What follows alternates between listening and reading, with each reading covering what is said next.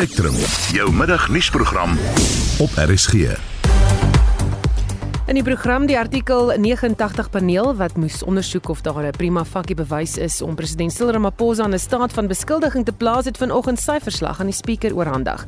Inwoners van Seaview in Kebega in die Oos-Kaap is verlig na hulle gisteraand weens 'n verwoestende brand na veiligheid gebring is. When you start seeing ash flying around on your in your house, on your tables and whatever, it really gives you this kind of like uh, you will know to go, especially when it comes to fires. You know, it's very terrifying. En die koste van 'n voedselmandjie neem met meer as R500 toe.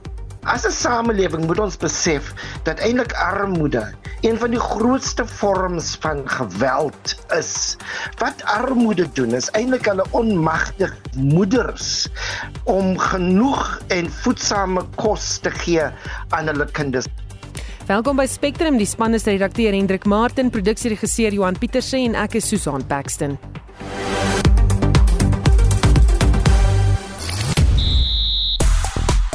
Die moontlikheid dat Tunesië vir die uitklopfase kan kwalifiseer is wel skraal, maar hulle kan vandag die tweede Afrika land word om dit te doen by die sokker wêreldbeker.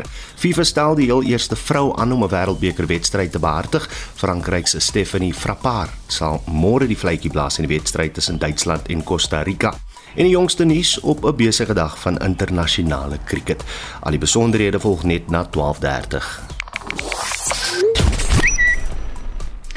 Op sosiale media word die hitsmerk Fraser al meer as is die hitsmerk Fraser al meer as 7000 keer op sosiale media gedeel en dit is na aanleiding daarvan dat die geskorste openbare beskermer Boesie Siwem Kwebani aangedui het dat die voormalige hoof van staatsveiligheid Arthur Fraser en die ANC se geskorste sekretaris-generaal Ys Magashule vir haar in haar saak sal getuig waarin sy probeer om haar posisie as OB te behou.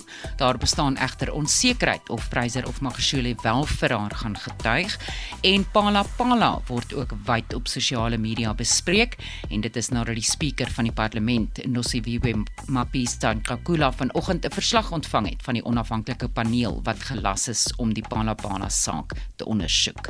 Ek is later terug met nog sosiale media nuus. En ook 'n storie waarna ons gaan kyk is die Pala Pala verslag wat bekend gemaak is, maar intussen ons het luisteraars gister gevra of dit hulle plaas mense hulle tale meng. Ons het baie reaksie oor die kwessie gekry, maar een luisteraar het in haar stemnota gesê 'n onderwyser het hulle sommer met 'n boek gegooi as hulle hul tale in die klaskamer sou meng. Kom ons luister gou weer na die stemnota.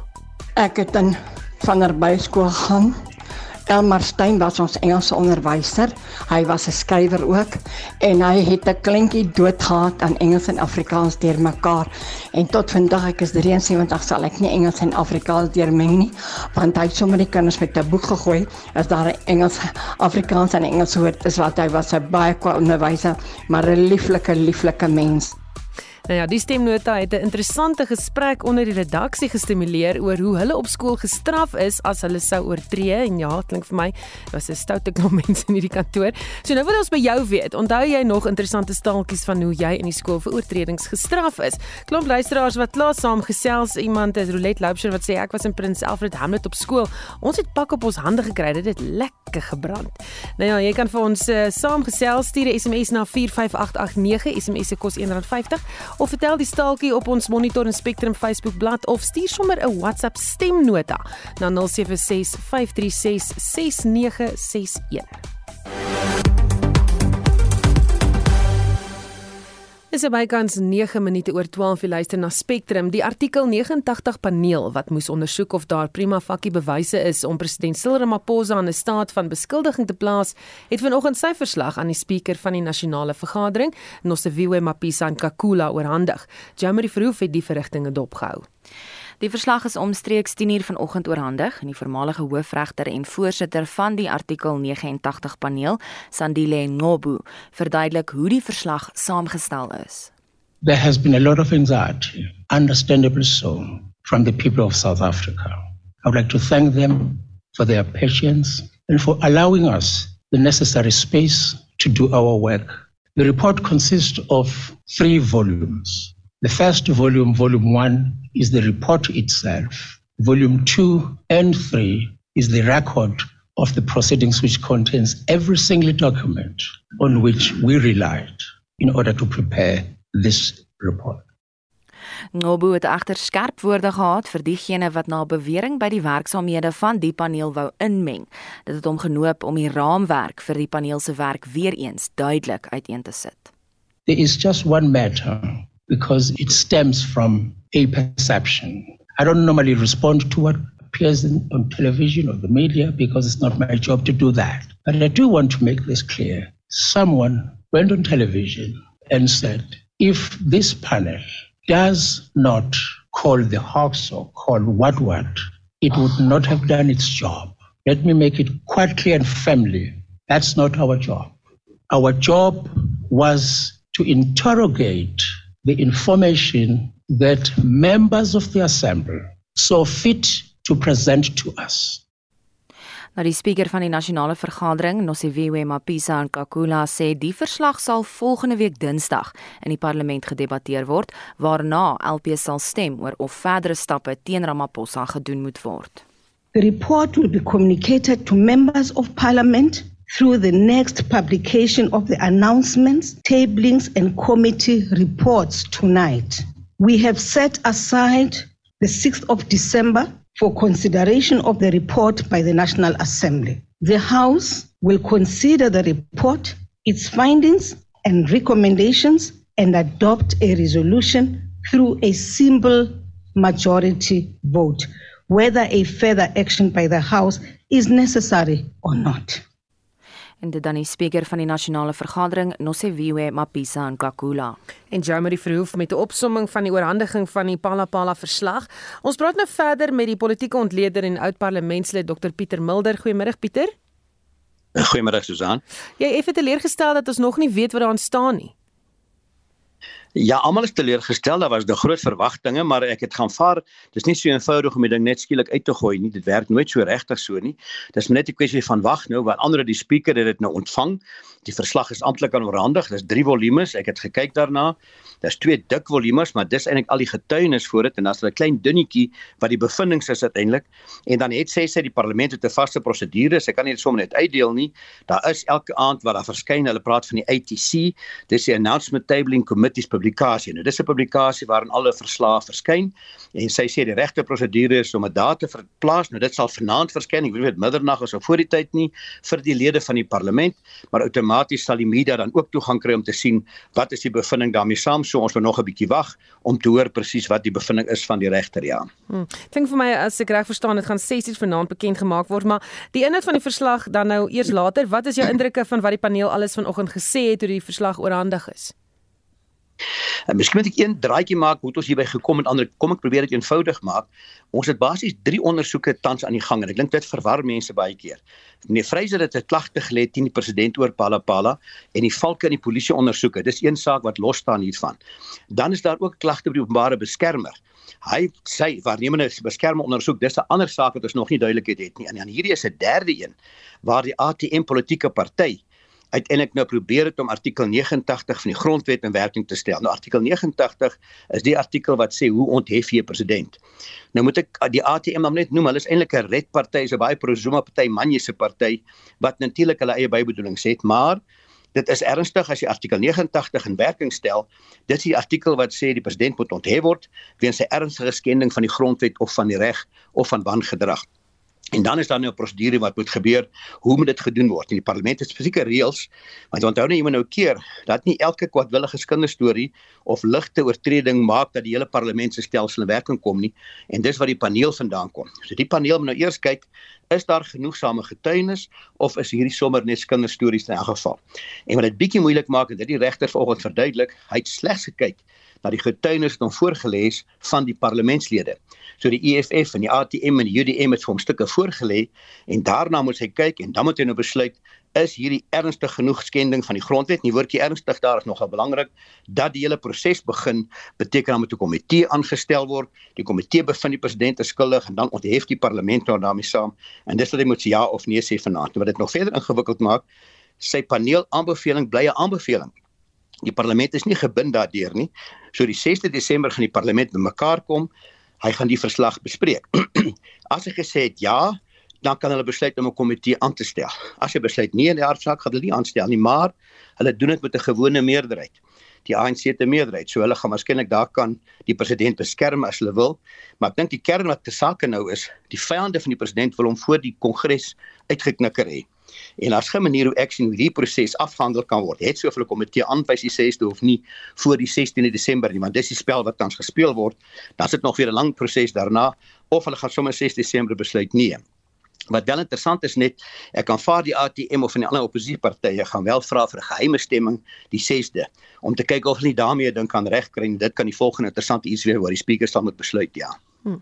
Baie dankie. Dit was die politieke ontleder en oud parlementslid Dr Pieter Mulder. Chris Hani se moordenaar Janus Walus moet volgens 'n uitspraak in die konstitusionele hof verlede week die week op parol vrygelaat word. Walus is gister in die Gossi Mampuru 2 gevangenis in Pretoria waar hy 'n lewenslange vonnis vir moord uitdien met 'n mes aangeval. Die minister van Justisie Ronald Lamola het besluit Walus sal sy 2 jaar lange parol in Suid-Afrika moet uitdien en nie na sy geboorteland Pole kan terugkeer nie.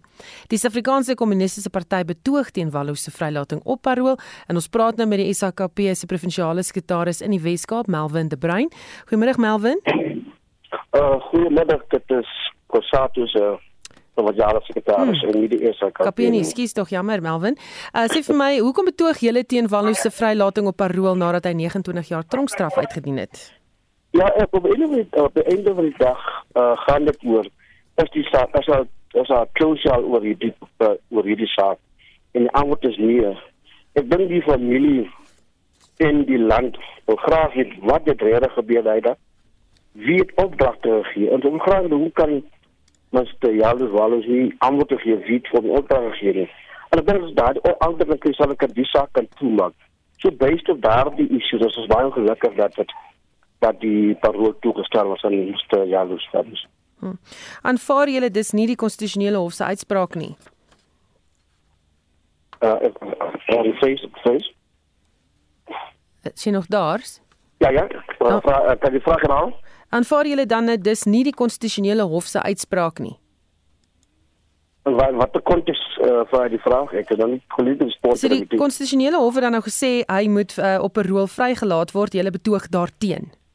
Ja, ek dink ja ons ons moet op respek die wet op enige dag. Maar dit bestop nie vir ons as die ander partye te sê ons ongelukkig met die besluit hier.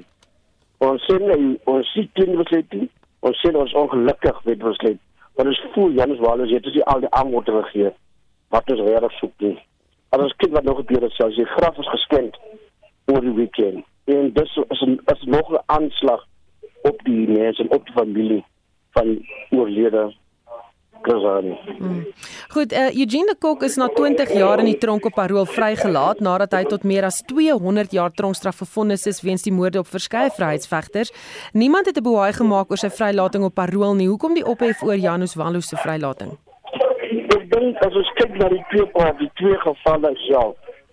Uh Eugene was by die uh, was by die kommissie het gepraat oor wat gebeur het.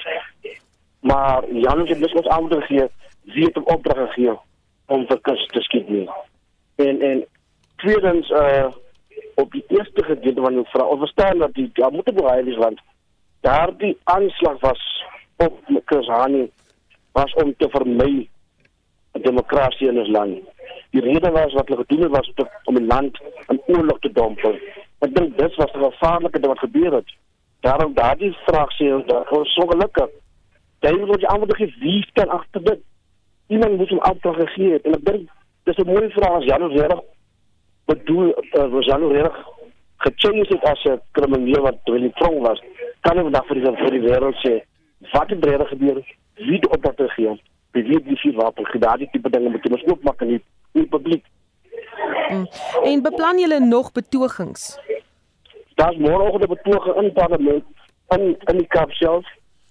Uh eh, vir die ANC se se se kokes so gaan daar nie ook dit het vanoggend gebeur. Ja maar dit het vanoggend gebeur.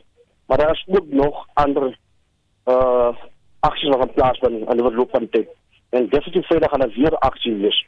So hierdie gaan on ongoing dan wees. Gelukkig moet Janie twee in die land bly as as per the director of uh, correctional services. Wat wat wil dit doen is hoe in die twee sal hy moet antwoord gee wat reg gebeur het.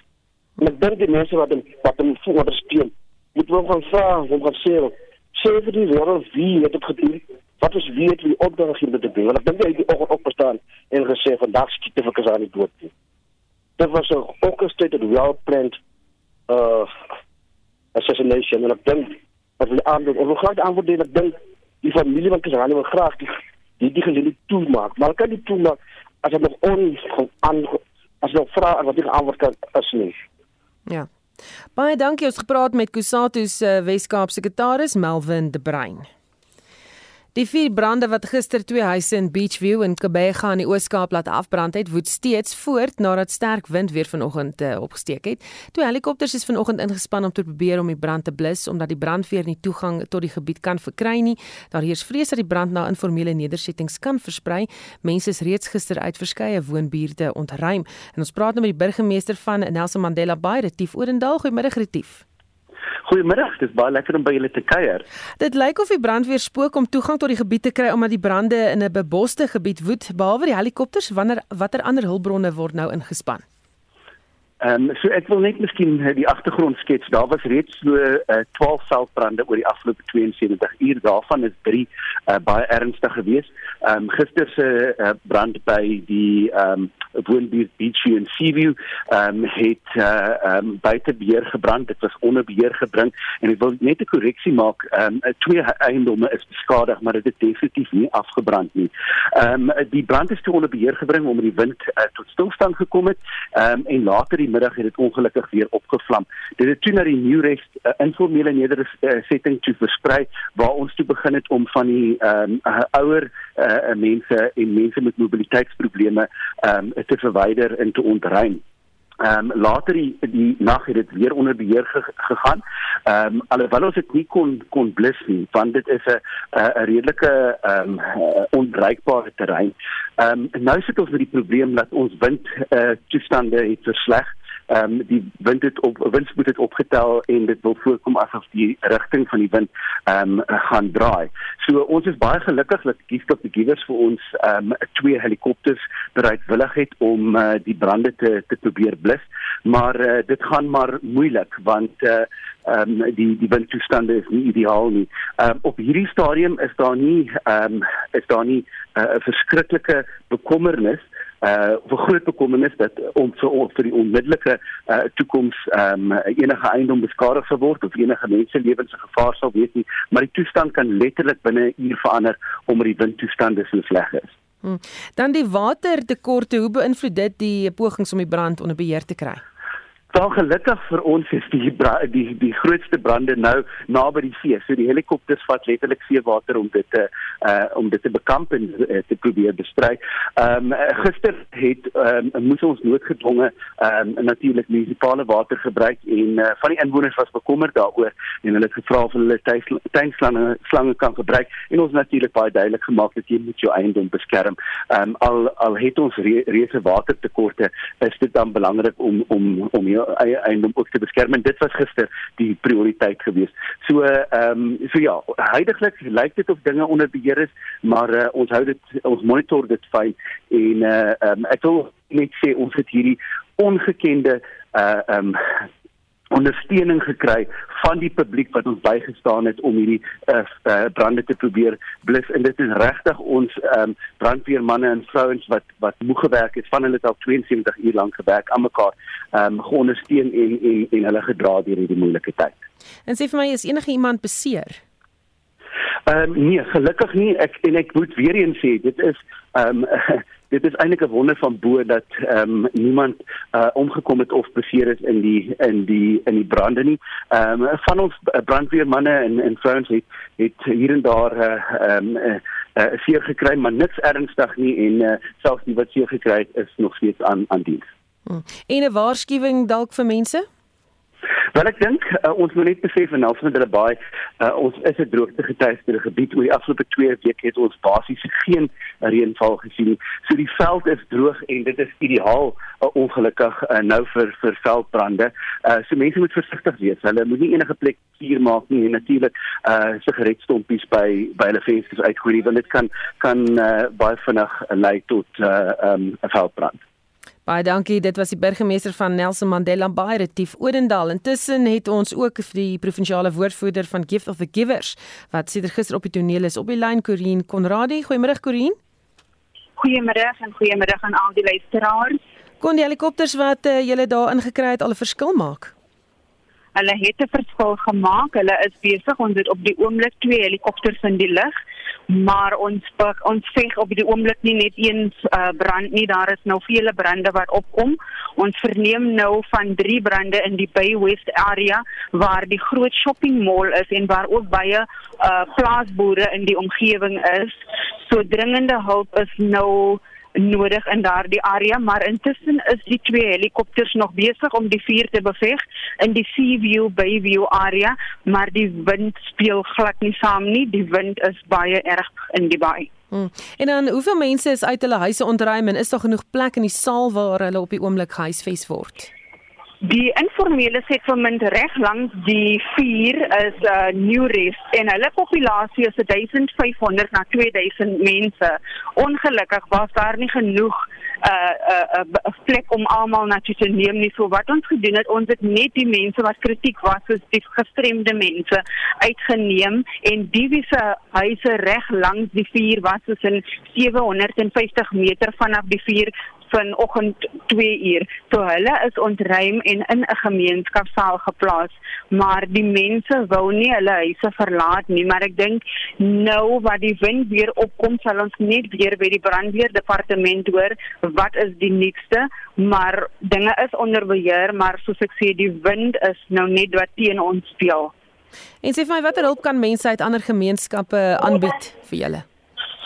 Water dis dis dis dis die, on, ons het alles onder beheer op die oomblik dis net water.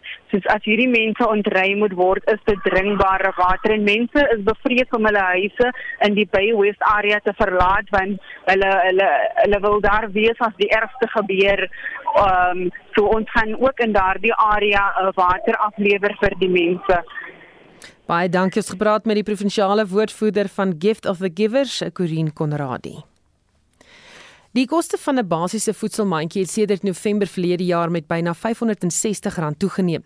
Die gemiddelde koste van so 'n mandjie is nou in die omgewing van R4800.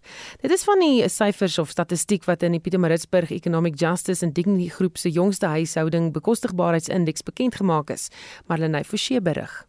Volgens die groep se programkoördineerder Mervin Abrams het inwoners van Durban die maand die meeste betaal vir hulle mandjies, terwyl inwoners van Kaapstad en Pietermaritzburg verligting ervaar het na verlede maand.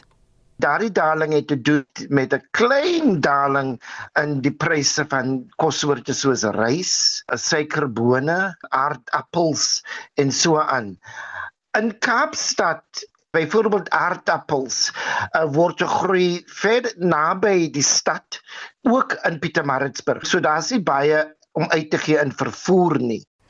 Maar ons moet ook sien dat daardie daling baie klein dalings is. En in Kaapstad byvoorbeeld was die daling slegs R28, in Pietermaritzburg was die daling slegs R27. Die koste om aan 'n kind 'n basiese voedsame dieet te verskaf beloop nou R838.65, bykans die helfte meer as die kindertoelaag van R480. Veral in die lig van 16 dae van aktivisme teen geweld teen vroue en kinders, meen Abrams die is belangrike inligting. As 'n samelewing moet ons besef dat eintlik armoede een van die grootste vorms van geweld eintlik is.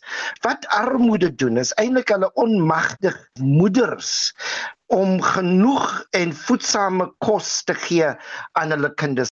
En as ons kyk byvoorbeeld aan armoede, dan sien ons in die werkloosheidssyfers staan omtrent by 50%, maar by onder vrouens staan daardie werkloosheidssyfers veel hoër. So wat moet 'n mens doen hier aan? Ten minste moet ons social security genoeg wees om sodat mense eintlik 'n voedsame maaltyd op die tafel kan sit. Intussen bly diegene wat die minimumloon ontvang aan die koste en trek. Werkers in die kategorie skiep 'n voedsame dieet af omdat hulle elektrisiteit en vervoerkoste te hoog is. As ons net kyk na daardie twee uitgawes vir 'n huishouding, dan sien ons dat daardie twee uitkostes omtrent iets soos R2371 sal kos vir 'n normale huishouding.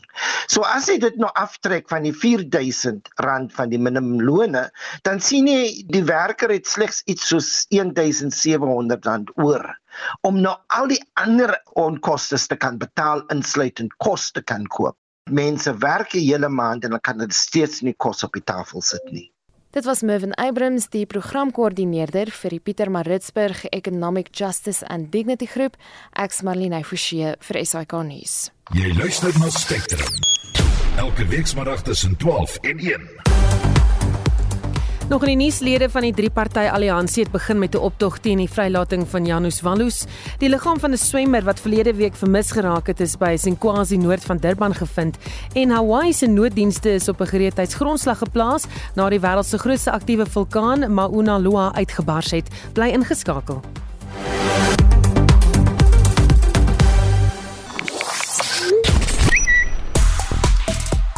Die hitsmerke Zondo Concord Prison en Gossi Mampuru word steeds op sosiale media gedeel en dit gaan oor die konstitusionele hof wat verlede week gelas het dat Chris Hani se moordenaar Janusz Wallus die week op parol vrygelaat moet word. Wallus het 29 jaar van sy lewenslange vonnis uitgedien en hy is gister met 'n mes in die Gossi Mampuru gevangenis gesteek. En ons praat oor of jy nog stalkies kan onthou van hoe jy gestraf is vir oortredings in skool. Dis 'n aanleiding van die vraag wat ons gister gevra het en 'n luisteraar se reaksie daarop. Gerda van Niekerk sê ek kan 'n voorval onthou in bedryfsekonomie waar iemand 'n stinkbommetjie in die klas gebreek het. Die onderwyser, meneer Botha, het dit al die vensters toegemaak en by die klas uitgeloop en die deur toegetrek. Sjoe, sal nooit daardie reuk vergeet nie. Nee, ek ek neem aan jy gaan moet vir pyn vat as jy hom jy weet jouself uitdeel. Denise Burger sê weet nie of 'n uh, eh, kos hy stries sal tel nie, maar een meisie het 'n pakkie jelly in haar penneblikkie uitgegooi en dit met 'n pen omhulsel opgesuig soos uh, die studie gevorder het. Toe die juffrou op diens dit agterkom het sy die jelly op haar kop uitgegooi en in die kopvel en lang hare ingevryf. 'n Ander een het weer gekade chappies uh, agter onder die boksterte ingedruk. Weet nie hoe dit uitgekom het nie. Daardie tyd het hulle nie nonsens gevat nie. Dit was in die 70s. En nog 'n luisteraar wat sê dis Jolanda Jamnek op laerskool was leerders in 'n kamertjie gevat en jou hande het houe ontvang. Kan nie meer onthou hoeveel houe nie elke oortreding was 'n sekere hoeveelheid en jy moes maar staan tot alles gegee is. Kon skaars skryf by ander klasse en dan sê sy, "Nou ek glo dis hoekom ons ouer mense sukkel met artritis." En Marita Stein wat sê, "Ek was in Montetjie op skool van 1954 tot 1965, was 'n baie voorbeeldige en toegewyde leerling. Skool was my lekker, nooit enige straf gekry en altyd komplimente gekry vir my netjiese handskrif." Ek dink Marita, jy's een van min mense wat nie deurgeloop het nie. Jy kan steeds saamgesels, stuur 'n SMS 45889 of jy kan op ons Monitor Spectrum Facebook bladsy praat, saampraat of stuur 'n WhatsApp stemnota na 0765366961.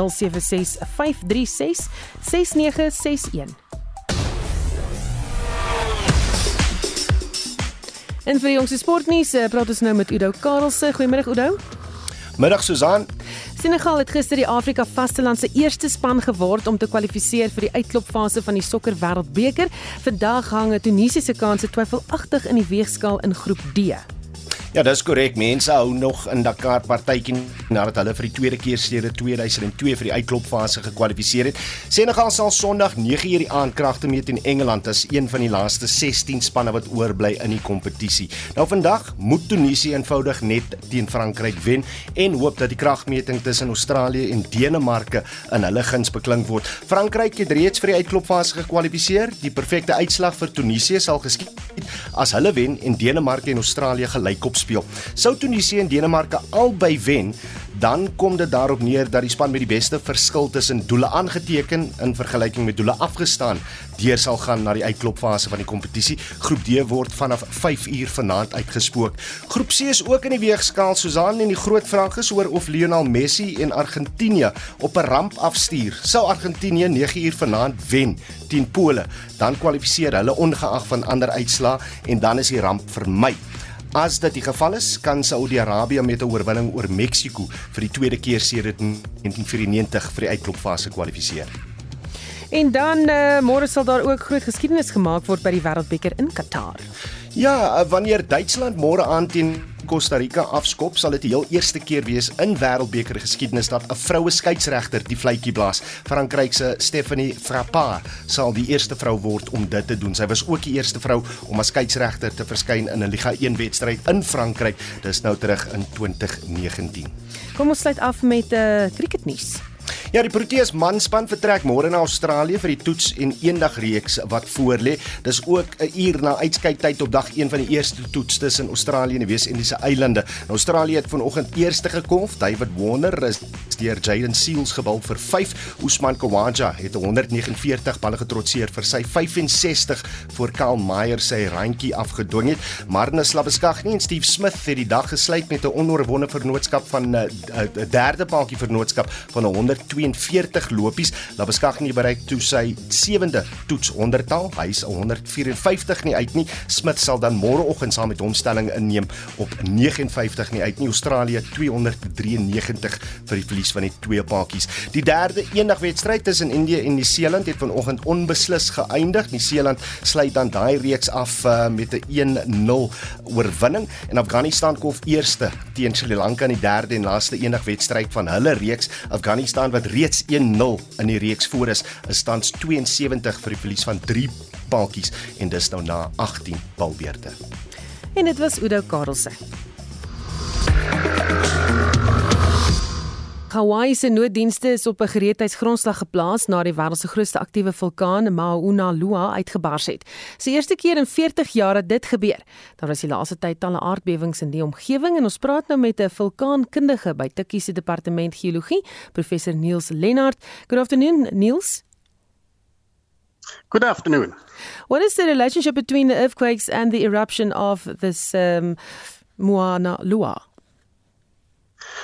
Um, well, the earthquakes or the uh, the seismic uh, activity that we can see in the surrounding of the volcano that is uh, generally related to the uh, the magma that is upwelling from the depth upwards towards uh, the surface. So obviously, making room, making space to go upwards, and that uh, yeah that pressure is then released in form of seismic waves or earthquakes. And why is that region volcanically so active? Um, well, the, the whole area of uh, Hawaii, or generally the, the entire uh, chain of uh, Hawaiian islands, all of them are volcanic uh, nowadays. Only the, the southernmost uh, island, uh, which we generally call Hawaii or the Big Island, is active. it is generally related to to a so-called hotspot, as we say in geology, so hot magma welling upwards from the depth and they're at uh, the surface uh, forming a variety of uh, shield volcanoes. So the, the island of Hawaii itself is basically not uh, made up of a single volcano, but basically of uh, five shield uh, volcanoes that are overlapping each other. the Mauna Loa is uh, one of those, the largest one actually, that is basically covering one half of uh, the island. Then there's also the, the possibly more known volcano Kilauea in the south, and uh, we also have uh, Mauna Kea in in the north, and uh, two other older volcanoes that are thought to be uh, extinct already. Is it dangerous for the inhabitants? Uh, at the moment, it's uh, let's say not very dangerous. Uh, the eruption started on uh, Sunday night in, in the northeastern rift zone, away from, from the, the main vent of Mauna Loa. And uh, the northeastern rift zone, where the, the current eruption takes place, is a relatively flat lying area. It's it's uninhabited and relatively far away from uh, yeah yeah, major villages or, or towns. So if the, the eruption remains there and does not spread out more, more towards the, the south, uh, we can assume there's relatively little danger to, to the people around there. When last did Hawaii see such a big eruption? Um, well, we can say that uh, since the let's say the, the 19th century there were continuous eruptions going on on Hawaii, especially in, in Kilauea. I mean, the, the last major eruption in Kilauea that was just uh, September this year and uh, from there basically um, yeah uninterrupted went on since the the 80s uh, so that is uh, not a big thing. The the interesting thing is that we now also have a second eruption going on on uh, the other volcano in Mauna Loa. And uh, here we can say that uh, the the last eruption did not take place um, yeah since uh, yeah since the, the 1980s so 1984 was the last eruption that we could see here on on this volcano. Hm.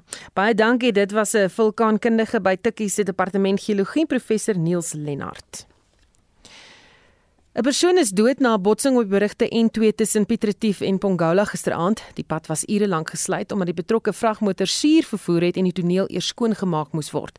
Dit volg na 'n griepbotsing in dieselfde omgewing in September vroeër vanjaar waarin skoolkinders dood is. En die gemeenskap in die gebied is baie kwaad oor die toestand van die pad en die hoeveelheid vragmotors wat op die pad beweeg. Die gemeenskap van uh, Itsutse Juba het die pad na die griepbotsing gesluit en na pleindooie van die plaaslike regering eers in Oktober geopen. Spectrum was die afgelope naweek op die pad en het gesien hoe inwoners self polisieringstake verrig omdat die padverkeerstoestande so gevaarlik is.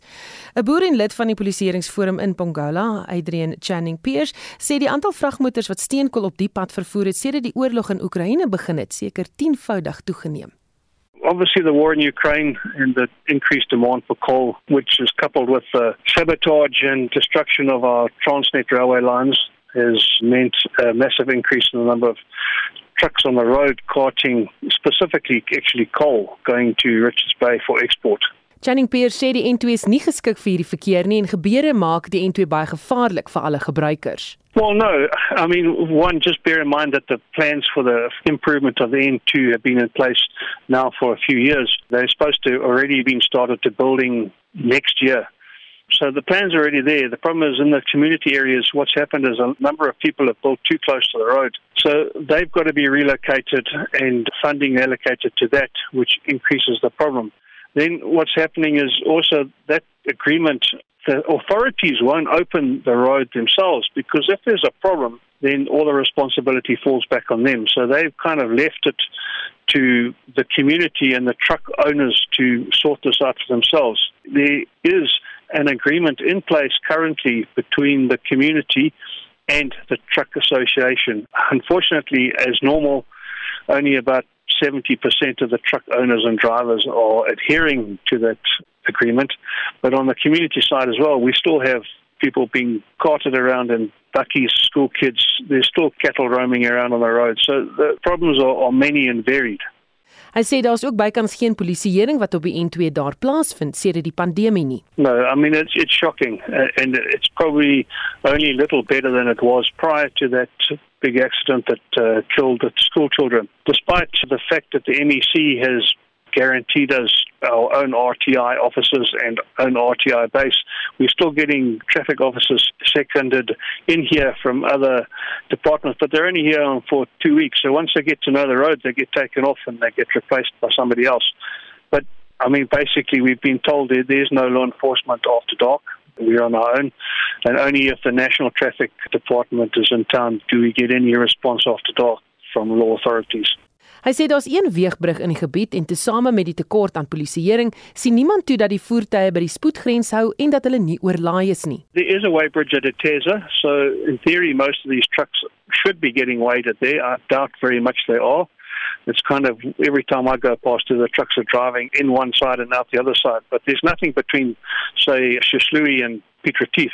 There's only a small testing station in Pongola, but you know, bearing in mind that at the start of the year, there was maybe 1,500 to 2,000 vehicles a day coming through Pongola. And now we, on some days, are 5,000 vehicles a day. So the traffic authorities and the infrastructure and the methods of policing these vehicles, it has not kept up with the increase in traffic. Die gemeenskap is so gefrustreerd dat hulle die pad sedert die botsing in September tot aan die einde van Oktober gesluit het en geen vragmotors wat steenkool vervoer het, is deurgelaat nie. Channing Pierce sê in daardie tydperk is niemand op die pad dood nie, maar sedert die pad weer oopgemaak is, neem die probleme weer toe. None. We had none for the seven weeks that the road was closed to tippers, only tippers. Every other vehicle was allowed through. In those seven weeks, we went from one person being killed on the road every three and a half days to none in seven weeks. Well, for the first week, it was fine. There was no problems. Obviously, the community in that week still periodically closed the road for a few hours because they were unhappy with something that had occurred. And I think the trucks were on their best behavior. And by the time we got to week two, slowly you could see there was an increase in the volume of the trucks coming through, and more of the cowboy operators were coming back onto the route. And slowly you started to see the accidents starting to pick up. And into week three, which we're now into, same thing. The accidents have slowly started to pick up, but we had no fatalities until last night. Hy sê terwyl die owerhede sloer, is dit onvermydelik dat mense op die pad gaan sterf. Well, it's only a matter of time before a taxi and one of these trucks hits head on, and then we're going to end up back with a, a multi casualty event. En dit was 'n boer en lid van die polisieeringsforum in Pongala, Adrian Channing Peers, en daar's ook 'n video op ons Monitor en Spectrum eh, Facebook bladsy van hoe hierdie paaie lyk. Dis die N2 daar op pad na Richards Bay toe waar die vragmotor sommer langs die pad parkeer om te wag om daar in te gaan. So as jy sien hoe dit lyk of wil sien hoe dit lyk, gaan loer gou op ons Monitor en Spectrum Facebook bladsy. Vanmiddag se sake nuus word aangebied deur Robert Cameron, hy's 'n portefeuljebestuurder by Fisher Dugmore Sekuriteite. Goeiemiddag Robert. Goeiemiddag Susan, goeiemiddag luisteraars. Ja, die plaaslike beurs is heelwat sterker vandag en dit veral op hoop uh, dat uh, China se geen COVID beleid sal verlig.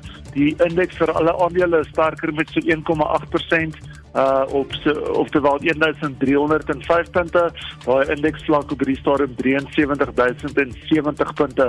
Die top 40 indeks is op met 2% die Holbron indeks uh, op met so 1,9% die nywerheidsindeks verbeter met 2,2% die finansiële indeks is op met 1,5% dan kyk ons na enkele aandele wat uh, aandag trek. Naspers hy sterker met so amper 5% R2605 dan Prosus op met 3,9% uh R1093 dan uh Amplats hy sterker met so 4,3% uh, 1691 dan laasens Bidwest hy verbeter uh 3,3% op uh, R231.30 Uh wisselkoerse die rand uh, vertoon redelik goed vandag. R16.94 teenoor die Amerikaanse dollar 17.56 teenoor die euro en 'n Britse pond kos tans R20.34 Uh kommentator die goudprys uh, 1759 dollar per fyn ons. Die platinumprys uh, 1017 dollar. En dan uh, die Brent olieprys is uh, op met so 2% vandag ongelukkig. Hy is op 85 dollar per vatjie Uh internasionaal sien ons die Dow Jones oornag basies onveranderd gesluit die Hang Seng uh, hy sterker met 2,2% uh, dan die FTSE 100 in Londen op hierdie stadium is sterker met so 0,6% die DAX in Frankfurt uh, op met 'n halwe persent en dan die CAC 40 in Parys sterker met so 0,7%. Baie dankie, dis einde van die sake nuus. En dit was Robert Cameron van Fisher Dugmore Sekuriteite. Die eThekwini munisipaliteit in Durban het aangekondig dat 'n massa-vergadering wat gehou sou word oor die stand van die strande daar uitgestel is. Die vergadering sou aangedui het of die strande weer sou kon oopmaak na grootskaalse rioolbesoedeling na die swaar storms vroeër die jaar. Die munisipaliteit het onderneem om die rioolprobleem op te los en dat die strande weer teen die 1 Desember oopgestel sal word. Die DA het ook die burgemeester, Nkolisi Kaunda, uitgedaag om in die see te swem by Umhlanga waar die besoedeling glo steeds baie erg is. Die uitdaging is van die hand gewys. Ons praat nou met die DEA se woordvoerder oor samewerkende regering in die provinsie, Martin Meyer. Goeiemiddag Martin. Middag, hallo by julle. Ons gaan baie goed, maar wat doen julle toetse oor die waterkwaliteit? Is dit nog besmet met hoë vlakke van E. coli? Dink dit het op 'n paar strande afgekom. Ons gee dit toe, maar ehm um, in baie van die strande in Suid-Umhlanga is dit nog gevaarlik hoog. En ons groot bekommernis is is dat die rioolwerke is nog steeds nie reggemaak nie. So die rivier is nog erg besoedel. So nou het ons baie reën gehad het hierdie afgelope week. Is die rivier nou weer besig om in die um, see in te stroom en ons is baie seker in die volgende toetse gaan dit weer 'n gevaarlike vlakke wys op meeste van ons strande. So, die probleem lê dan met ander woorde by daai rioolplase wat nie herstel word nie eh, bo rivier langs as ek dit so kan stel. Dit is reg. Ja, ehm um, so die ehm um, dit het groot hulle aangekondig dat die noordelike ehm um, rioolwerke en die Umhlanga rioolwerke is reggemaak. Ons raadslede het dit self gaan besoek ehm um, in die afgelope 2 dae en bevind dat die riool nog net so loop. Ons kan regtig sien hoe hulle kan sê dit is reggemaak nie en dan die probleem ook baie van die pype is beskadig. So die die riool kom ook nooit eens by die rioolplaas uit nie. Dit vloei reg uit in ons riviere in. Kan is daar enige rede hoekom dit so lank vat om dit te herstel? Ek dink aan die een kant is dit geld. Ehm um, jy weet daar is dit 'n groot tekort aan geld, die die biljoen rand wat um, president Ramaphosa met groot gejuig aangekondig het na die vloer is nou nog nie aan ons beskikbaar gestel nie. Ehm um, aan die ander kant lyk dit ook net nie of daar politieke wil is nie. Ons weet daar's binne gevegte tussen die burgemeester en die burgemeester. Die burgemeester is nie van die ANC nie. Ehm um, mense vergeet ons het ook 'n koalisie regering in Etequini nie wat hierdie ANC gelei word. En dit lyk of of of die rule situasie ook maar net 'n politieke speelbal geword het tussen hulle sal die strande die 1 Desember kan oopmaak? Ek dink die stad gaan baie hard probeer om dit oop te maak, ehm um, maar ek dink nie dit is realisties nie. Ek wil net mense moet ook baie duidelik wees. Die DA wil hê die strande moet oop. Ons wil hê toerisme moet herstel. Natuurlik ons deel van die lewensbloed en die lewensaard van ons provinsie en ons stad. Maar weet dit help nie ons maak die strande oop as dit nog gevaarlik is en dan kom toeriste na toe word siek weet en en dit gaan hulle baie groot skade aan ons ehm um, reputasie doen as 'n as 'n toerisme stad. So ons sê maak hierdie die probleem reg, so ons die strande kan oopmaak op die regte tyd as om nou oorhaastig te wees. So ons is nie teen toerisme nie. Ons moet die weet mense wat hier na toe kom moet veilig wees as hulle ons kom besoek hier sonder baie sonnige Durban. Hmm. En dan wat sal die ekonomiese impak wees uh, op die provinsie as die strande nie oopgemaak kan word nie? Ja, kyk ons ons ons sien al klaar die, die skade. Weet baie van die hotelle en die gastehuise sê vir ons dat hulle hulle kry nie die besprekings nie of baie mense kanselleer. En as ons mees weet ons het ongelukkig uit COVID uitgekom, toe was dit nou die onluste wat baie mense afgesit het en toe sit nou die oorstromings. So ons het nie 'n goeie vakansieseisoen gehad sedert voor 2019 nie. Ehm um, en en dit is regtig besig om te begin wys in die ekonomie in die stad. So ons wil graag hê weet dat ons ons toerisme moet herstel want die ekonomiese impak is net massief. Maar ongelukkig as ons dit nie reg doen nie, gaan die ekonomiese impak nog groter wees en die impak op mense se lewens. En wat was die doel van die uitnodiging of die uitdaging aan die burgemeester om dan te gaan swem? Kyk, ons ons hele standpunt daar is as die burgemeester so oortuig is Mshanga se strand is veilig en hy en hy sê nie die toetse wat ons doen en alles is, is verkeerd. Wel dan moet hy as die eerste burger van die stad vir ons vir ons wys ons is verkeerd. Hy moet wys dat hy staan by wat hy sê. So weet as jy die strand is veilig, dan moet jy mos maar gaan swem. Dit is nie 'n probleem om om jou swembroekie aan te trek en hoop dit nie sy speedo nie en om in die water te gaan spring nie. En ons het hom gesê dan vir ons saam met hom swem. Ehm uh, maar dit lyk my nie of hy vir ons gaan gaan opneem op hierdie uitnodiging. En sê vir my sou jy werklik saam gaan swem met as hy besluit het hy gaan dit doen? Ja, ja, hoekom ja, die burger is veilig om ek nou om die eerste burger te te, te stry. Ehm um, ek sou definitief direk daarna gaan gaan dit toets by my plaaslike kliniek. Ehm um, maar weet um, ons ons ons weet die water is nie veilig nie. Mshanga se water is, is word gereeld getoets. Ehm um, en ons het ons vermoed hy gaan dit nie opneem nie. Ehm um, ons hoor nou hy sy woordvoerder sê hy gaan môre swem, maar nie in Mshanga nie, in die Durban strande. In die Durban strande is 'n ander situasie. Ehm um, so ons sal staan by ons uitnodiging en ek ek sal daar met my ehm um, blou swembroek en as hy in die water instaan sal ek dan maar saam met hom 'n splash gaan vir daar so in die, in die oseaan. Ons hy Martin stuur vir ons foto's van dit en dalk miskien so 'n selfie van julle twee saam. Julle julle wil my nie in 'n swembroek stuur sien nie, maar so veel foto's stuur. Baie dankie, dit was die DEA se woordvoerder oor samewerkende regering in die provinsie, Martin Meyer. En Jamie sluit nou by ons aan vir 'n opsomming van die dag se ontwikkelende nuusgebeure. Die Palapala verslag is vanoggend aan die spreker van die nasionale vergadering oorhandig en sal na verwagting op 6 Desember, dis volgende week Dinsdag, in die parlement gedebatteer word. Die voormalige hoofregter en die voorsitter van die artikel 89 paneel, Sandile Ngobu, sê die verslag bestaan uit 3 dele. The first volume, volume 1, is the report itself. Volume 2 and 3 is the record of the proceedings which contains every single document on which we relied in order to prepare this report. Die parlementslede ontvang die verslag omstreeks 6uur vanaand en dit sal dan ook openbaar gemaak word. Lede van die SAKP, die ANC en COSATU het vandag 'n betoging na die Gossi Mampuru gevangenissentrum in Pretoria gehou teen die vrylating van die veroordeelde moordenaar Janusz Wallus. Dit terwyl Wallus mediese behandeling ontvang nadat hy gisteraand in die tronk met 'n skerp voorwerp aangeval is. Die SAKP se Dr Alex Mashilo sê wat met Wallus in die tronk gebeur het, vergelyk nie met die moord op Chris Hani nie. We may have another National Day of Action in mid December. We can't compare the alleged stabbing or scratching of the convicted assassin by another inmate in prison to what he has done because he deprived Krizani of his supreme right to life. Die brande in Kleiberga in die Oos-Kaap woed steeds en ons het vroeër met die burgemeester van die Nelson Mandela Bay Metro Retief Odendaal gepraat oor die situasie op grondvlak windspoed het opgetel en dit wil voorkom asof die rigting van die wind gaan draai.